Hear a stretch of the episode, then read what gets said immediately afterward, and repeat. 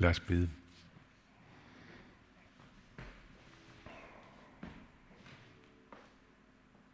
Herre, det vil vi gerne overgive os til dig. Tak for, at du, vil, at du har overgivet dig til os for længe siden. Fuldstændig overgivet dig. Så hjælp os, Herre, til at overgive os til dig. Amen. Aske onsdag. Aske onsdag. Hvad er det for noget? Aske. Hvorfor hedder det aske onsdag? Ja, det er jo så noget med aske. Det siger sig selv. Og, og, og aske, det ved vi jo godt, hvad er. Men hvad er det i den her sammenhæng? Ja, det er et billede på, på det øh, nedbrudte, på det øh, ufrugtbare, sådan set. På, på det døde aske.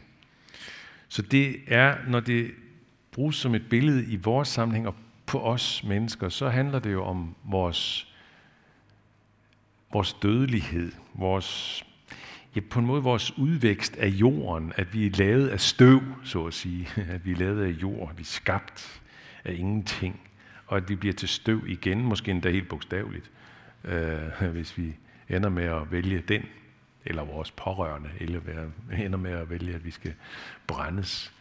Bliver vi til aske men i hvert fald i overført betydning. Det er sådan, som, som Abraham øh, kunne sige det, og så er vi helt tilbage i første Mosebog, han kunne sige sådan her på et tidspunkt til Gud, nu våger jeg igen at tale til dig, Herre, skønt jeg kun er støv og aske. Ja. Eller Job, Job, som er igennem den der forfærdelige lidelseshistorie, og, og får det helt håbløst svært med Gud men ender med at overgive sig til Gud og undergive sig, så at sige. Og derfor siger han sådan her til sidst, nu har jeg set dig med egne øjne. Derfor kalder jeg alt tilbage og angre i støv og aske. Nu her om lidt, øh, efter prædiken, skal skal nok forklare lidt nærmere, hvordan vi gør det, men, men om lidt så bliver der mulighed for at komme og få noget aske på sig. lidt aske på panden. Og hvad er det for noget? Ja, det, det er sådan set øh, et, et symbolsk udtryk for noget, det jeg har sagt nu. Det, er, et, det er så at sige et ydmygelsens tegn, vi får der. Et ydmygelsens tegn. Herre, jeg er kun støv og aske. Det er sådan lidt det, der kommer til at ligge i det. Ikke? Det vil sige, at asken minder os om en side ved troslivet, som som vi måske kan have det øh, ret svært med i, i vores tid, tænker jeg lidt faktisk. I, i, i også i den gode kristne sammenhæng. Det er svært med det der, fordi vi synes helt, at, at, at det med troen, den kristne tro, det skal serveres positivt. Det skal serveres med mildhed og med, med blidhed og med lys, øh, udsigt og så videre. Men asken minder os om vores grundlæggende mørke, om vores håbløse udgangspunkt, om vores risiko for at gå den vej, som fører os væk fra Gud igen igen. En slags øh, Adam eller Eva gentagelse. Også efter at øh, forbindelsen til Gud er oprettet, måske for nogen, helt sikkert for nogle af jeres vedkommende, øh, oprettet øh, i ikke bare sådan helt fra fra barndommen af, men måske først en gang hen i voksentiden. Og så alligevel den der risiko for, at vi vender os langsomt, langsomt og næsten umærkeligt væk igen fra Gud. Bevæger os væk fra Gud. Den der risiko. Jeg blev mindet lidt om det der, øh, da jeg forleden, bare i almindelig sådan morgenbibellæsning, så kom jeg til at læse i Matteus evangelie kapitel 11, og så læser jeg følgende øh, om Jesus. Der står sådan her, der begyndte Jesus at revse de byer, hvor de fleste af hans mægtige gerninger var sket, fordi de ikke havde omvendt sig. Og så siger han sådan her, Jesus, ved dig Korazin, det er altså en by der, der hed det, ved dig Bethsaida, for hvis de mægtige gerninger, der er sket i jer, var sket i Tyrus og Sidon, havde de for længst omvendt sig i sæk og aske. Derfor siger jeg jer, det skal gå Tyrus og Sidon tåleligere på dommens dag end jer. Og du, Kapernaum, altså en anden by, ikke? skal du ophøjes til himlen, i dødsriget skal du styrtes ned. For hvis de mægtige gerninger, der er sket i dig, var sket i Sodoma, havde den stået den dag i dag. Derfor siger jeg, at det skal gå Sodomas land tåleligere på dommens dag end dig. Der står min sanden også det her ord aske. Men det er ikke det, jeg tænkte på. Men det, der slog mig, da jeg læste det, var, at vi har den her stærkt i rettesættende, advarende tone fra Jesus over for nogle byer, som han havde færdet rigtig meget i. Korazin, Bethsaida og Capernaum. Han selv boede meget af tiden i Capernaum. Og han havde færdes der med ufattelige gerninger. Altså, når, når man læser evangelien, det er, det er ufatteligt at læse det, mægtige gerninger. Men så alligevel så lidt omvendelse og tro, og så lidt vedvarende holdbar omvendelse og tro og efterfølgelse. Og det er alvorsperspektivet ved troen, ved omvendelsen, ved det at vende sig om til Gud. Det er et perspektiv, som handler om vedvarende, voksende selverkendelse, som medfører en vedvarende anger. En vedvarende bøn, Herre, jeg er kun støv og aske, frels mig. Vi slipper ikke for den her dimension ved troen. Det gør vi altså ikke. Um, Jakob, I ved, Jakobs brev i Nye Testamente, uh, som jo er skrevet af, formodentlig af Jesu bror Jakob, Jesu lillebror Jakob. Eller man kunne også med at sige halvbror måske, fordi de har ikke samme far. Nå, men i hvert fald, han skriver det brev der ikke, og der skriver han sådan her. Med nidkærhed længes Gud efter den ånd, han har givet bolig i os. Altså, Gud længes efter den ånd, han har givet bolig i os. Det er som om den her ånd kan få trange kår i os. Ligesom kan fordampe lidt. Vi kender det jo faktisk også øh, fra en bøn i det gamle testamente, øh, nemlig den, øh, man kan finde i salme 51. Tag ikke din hellige ånd fra mig. Styrk mig med en villig ånd. Giv mig på ny en fast ånd. Altså underforstået, ånden kan svækkes i os.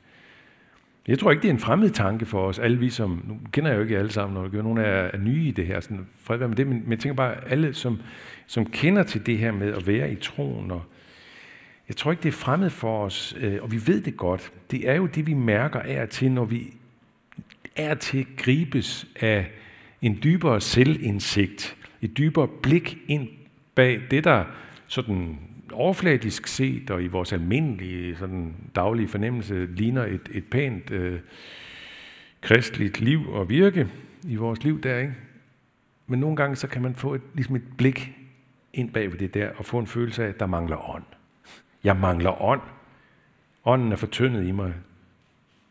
Jeg mangler forventning til Gud. Jeg mangler tillid til Gud. Jeg, der mangler bøn. Der mangler bøn i tide og utide. Der mangler afhængighed af Gud. Jeg kan for meget selv, og derfor kan jeg ikke ret meget.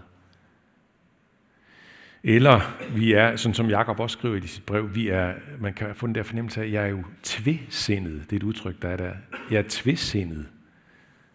Jeg, jeg tror på Gud, men der er grums i min tro i form af for eksempel moderne fornuftsskepsis, eller i form af al mulig anden slags trosskepsis, som kan have så mange sider. Eller tvesindet, det kan handle simpelthen om vores livsstil. Det som, øh, som Jakob også beskriver her i, i sit brev. I utro, ved I ikke, at venskab med verden er fjendskab med Gud? Altså venskab med verden, det tror jeg da, vi kender så udmærket til. Venskab med verden på den måde også øh, som Paulus kan beskrive det sådan meget, eller Jakob, Jakob kan beskrive det meget lige ud af posen også i sit brev, hvor han siger sådan her, nu I, som siger, i dag eller i morgen vil vi rejse til den og den by og blive der et år og drive handel og tjene penge. I, som ikke aner, hvordan jeres liv er i morgen. I er jo kun en tog, som ses en kort tid og så svinder bort. I skulle hellere sige, hvis Herren vil, så skal vi leve og kan gøre det eller det. Hvis Herren vil. Inshallah, som muslimerne siger. Inshallah, hvis Herren vil. Altså, ligesom Jesus kunne tale meget skarpt til folk i de her byer, Korsin, Bethsaida og Capernaum, sådan kan hans bror Jakob, han kan også sige det med tilsvarende skarpe ord til os. Han siger sådan her i sit brev, i skal altså underordne jer under Gud, og I skal stå djævlen imod, så vil han flygte fra jer. Hold jer nær til Gud, så vil han holde sig nær til jer. Gør jeres hænder rene i syndere. Rens jeres hjerter i tvidsindede. Sørg og græd i jeres elendighed. Lad jeres latter afløse af sorg og jeres glæde af mismod. Ydmyg jer for Herren, så vil han ophøje jer. Det her, det er en del af troens askeliv. At måtte leve med bevidstheden om, at jeg har gamle Adam eller Eva siddende i mig, som kan føre mig væk fra Gud, fra Guds ånd. Og derfor så slipper jeg ikke for angerens aske. Den der vedvarende bøn om hjælp til fornyet ånd og fornyet tro. Jeg slipper ikke for det. Tag ikke din hellige ånd fra mig. Styrk mig med en villig ånd. Giv mig på ny en fast ånd. Eller sådan som det står i en anden af salmernes bog øh, i det gamle testamente, salme 139, en fuldstændig underlig salme. Står, den slutter sådan her, rensag mig Gud og kend mit hjerte, prøv mig og kend mine tanker. Se efter, om jeg følger afguds vej. Led mig af evighedsvej. Det er det samme der. Men, jeg skal sige en lille smule mere, fordi det jeg skal sige nu, det er, at asken er også et, øh, et billede på noget nær det modsatte af det, jeg har sagt indtil nu. Det kan godt være, at nogle af jer sidder og tænker lige nu, gis, hvor er det altså mørkt det her. Ja, det er det. Men nu skal I høre, asken er faktisk også et billede på nærmest det modsatte. Og det er forbundet med øh, en gammel legende, som I sikkert har hørt om, den her fuglen Phoenix, en gammel egyptisk legende øh, fra før Jesu tid, øh, som handler om den her fugl Phoenix, der er en meget særlig stor, flot fugl, I har sikkert set billeder af den også, som kunne leve meget, meget længe, kunne blive meget gammel, men så, når den så døde, det gjorde den, så gik den simpelthen op i flammer og endte med at blive til aske, men så ud af asken genopstod fugl Phoenix. Og det blev, sjovt nok, det blev, eller ikke sjovt nok, for det er sådan set meget logisk, det blev et, et symbolsk billede, som den tidlige kirke, Oldkirken, simpelthen brugte på opstandelseshåbet. Fugl Phoenix, man kan simpelthen se det i nogle meget, meget gamle billeder øh, i arkeologisk sammenhæng, øh, hvordan det er blevet brugt der, og også skriftligt faktisk. Så Samtidig med, at vi mindes om at være støv og aske, sådan en askeonsdag her, som har brug for igen og igen at bede om en ny fast ånd, så mindes vi også om opstandelsens håb med den her aske. Lige når det ser allermest asket og støvet ud, mest håbløst ud, altså den der følelse, hvordan skal, hvordan skal det holde? Hvordan skal, hvordan skal troen holde i mig øh, resten af livet? Hvordan skal, det, hvordan skal jeg kunne blive ved? Altså, jeg, den der følelse der, ikke? Det bliver, den der følelse, åh, det bliver bare tyndere og svagere i mit liv med de der tro. Lige der, der får jeg en skøn påmindelse om askens håb. Fra ham, der hang på korset og sagde, min Gud, min Gud, hvorfor har du forladt mig? Altså, det jeg vil våge at kalde den tungeste stund i menneskehedens historie, nemlig da Guds enborne elskede søn er forladt af hans far. Det er fuldstændig uforståeligt, tungt og mørkt. Det her ufatteligt lysende, mirakuløse øh, menneske, Jesus af Nazareth, som nu hænger der på korset helt fortabt, støv og aske. Og dog, så var han lige netop ikke fortabt. For han opstod igen af asken. Og netop da han, netop da han var i asken før opstandelsen, i døden, da han var på korset, der hang han jo der for alt vores askelivs skyld. For al vores svaghed, vores ulydighed, vores elendighed, vores fortabthed. Så selv i askestunden på korset, den lige netop der, der var der i den grad håb.